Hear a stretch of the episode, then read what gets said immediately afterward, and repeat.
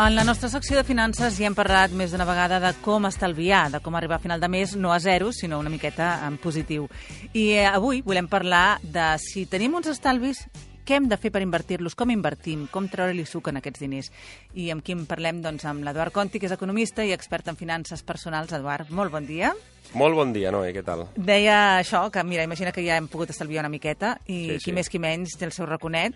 Mm, No té per què ser molt gran, suposo, per invertir. O no? A veure, digue'ns, què fem si volem invertir una mica? Sí, ens saltem tot, tota la part de- de- d'estalviar. Imagi- exacte, imaginem que ja els tenim els- Tenim uns estalvis, uns val? estalvis. Val, llavors, primer, abans de pensar en invertir, Mm?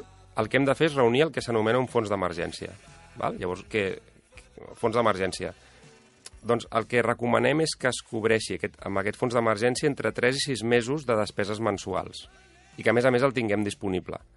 Si, per exemple, tenim una despesa de 2.000 euros al mes, en aquest fons hauríem de tenir entre 6.000 i 12.000 euros. Que Val? Déu-n'hi-do, Déu-n'hi-do, eh? Déu-n'hi-do. És, és bastant, no sé si totes les famílies podrien. Per tant, suposo que invertir ja se suposa que és un esglaó per sobre Sí. de, de, de tenir aquest racó mínim, no? Sí, el que no fem és invertir si no tenim prèviament un fons d'emergència. Vale, això està molt bé, perquè hi ha qui inverteix i es queda zero en el dia Exacte, a dia, no? sí, ara, ara parlarem també d'alguns principis fonamentals de la inversió que hem de respectar per no tenir ensurts, no? Per tant, punt número 1, fons d'emergència. Després, un cop ja tenim el fons d'emergència, abans de començar a invertir, hem d'interioritzar quatre principis que podríem anomenar principis fonamentals de la inversió.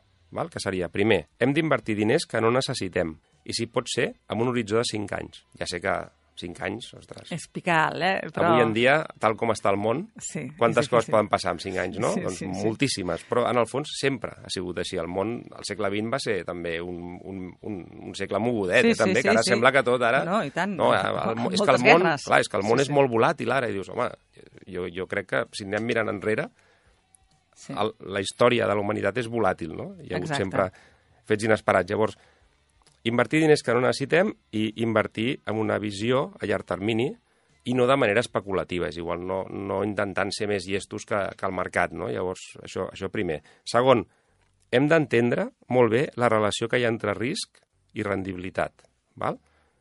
Per guanyar més, hem d'arriscar més, si no, tothom, doncs, imagi- imagina't una inversió segura que donés molts diners, ho faríem tots, no? Mhm. Doncs no.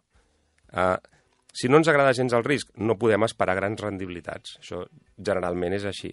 També hem d'entendre molt bé en què estem invertint abans de deixar anar el primer euro.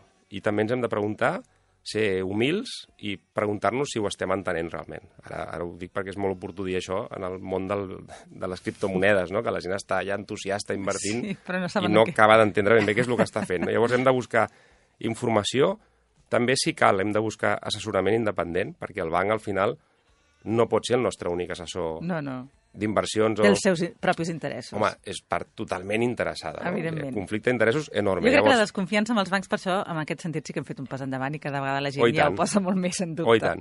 Tercer punt, hem de diversificar les inversions. Això també és una- d'alguna forma una recomanació clàssica. Eh? O sigui, no hem d'invertir només en una cosa. I, i finalment, el, el punt número 4, hem de saber controlar les nostres emocions. Eh? És una part més psicològica, però importantíssima perquè la relació entre psicologia i decisions econòmiques és, bueno, és per mi és un, és un Segur. camp importantíssim i, i, i jo sóc molt partidari no, d'aquesta relació entre la psicologia i l'economia.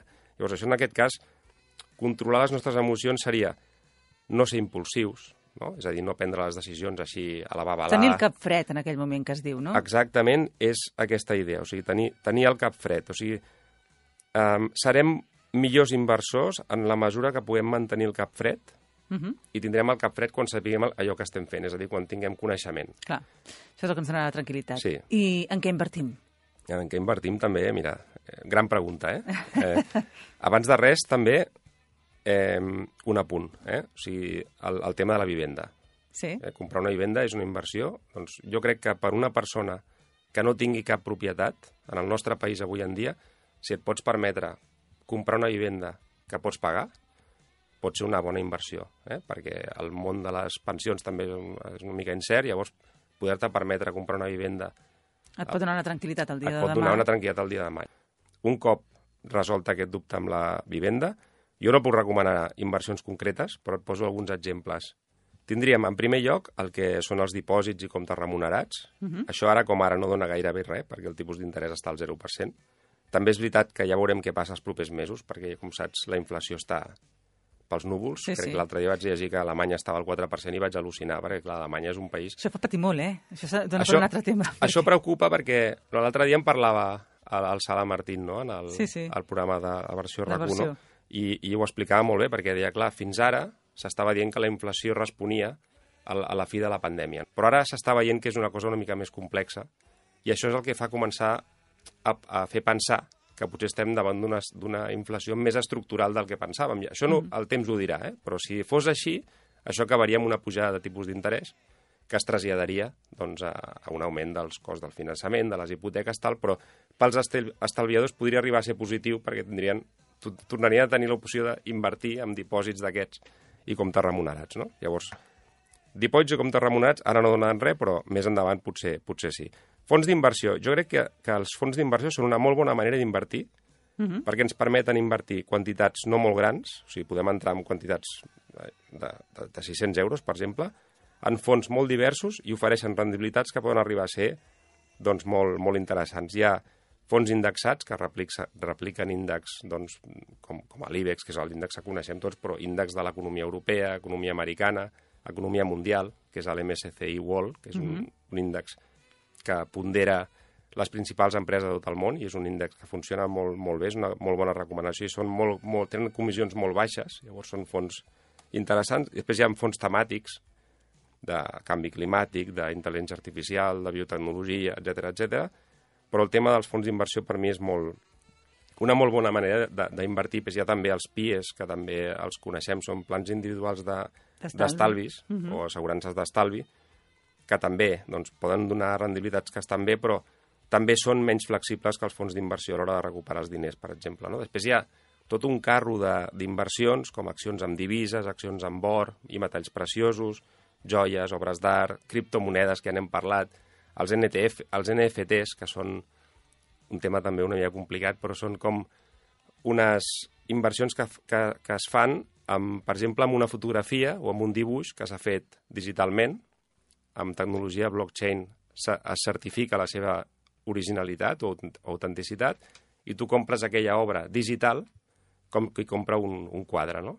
I, I hi ha hagut casos, ara fa poc un nen de 12 anys va vendre un, Sí, és cert. unes, unes balenes fetes eh, digitalment per 300.000 euros. Exacte. Doncs, S'escapa una mica de, Sí. del sentit comú, no? però ara hi ha bastant diner, gent que ha fet quartos amb el món digital, són gent jove, que tenen una mentalitat diferent a l'hora d'invertir, estan buscant aquesta mena d'inversions també. No? Tot un món que avança món. eh, de la mateixa manera que avança la societat, no? cada vegada canviant. Totalment. Haurem d'estar pendents d'aquestes inversions i sobretot eh, estalviar primer per tenir aquests diners. Sí, i, poder- i tenir també molt presents, jo crec, el més important, aquests principis que t'he comentat, no? Mhm. el, el tema d'invertir diners que no necessitis, entendre la relació entre el risc i la rendibilitat, diversificar i finalment controlar, saber controlar les nostres emocions, que això és importantíssim. Bàsic. Cap fred, cap fred. Com Cap dèiem, fred. davant dels diners, cap fred.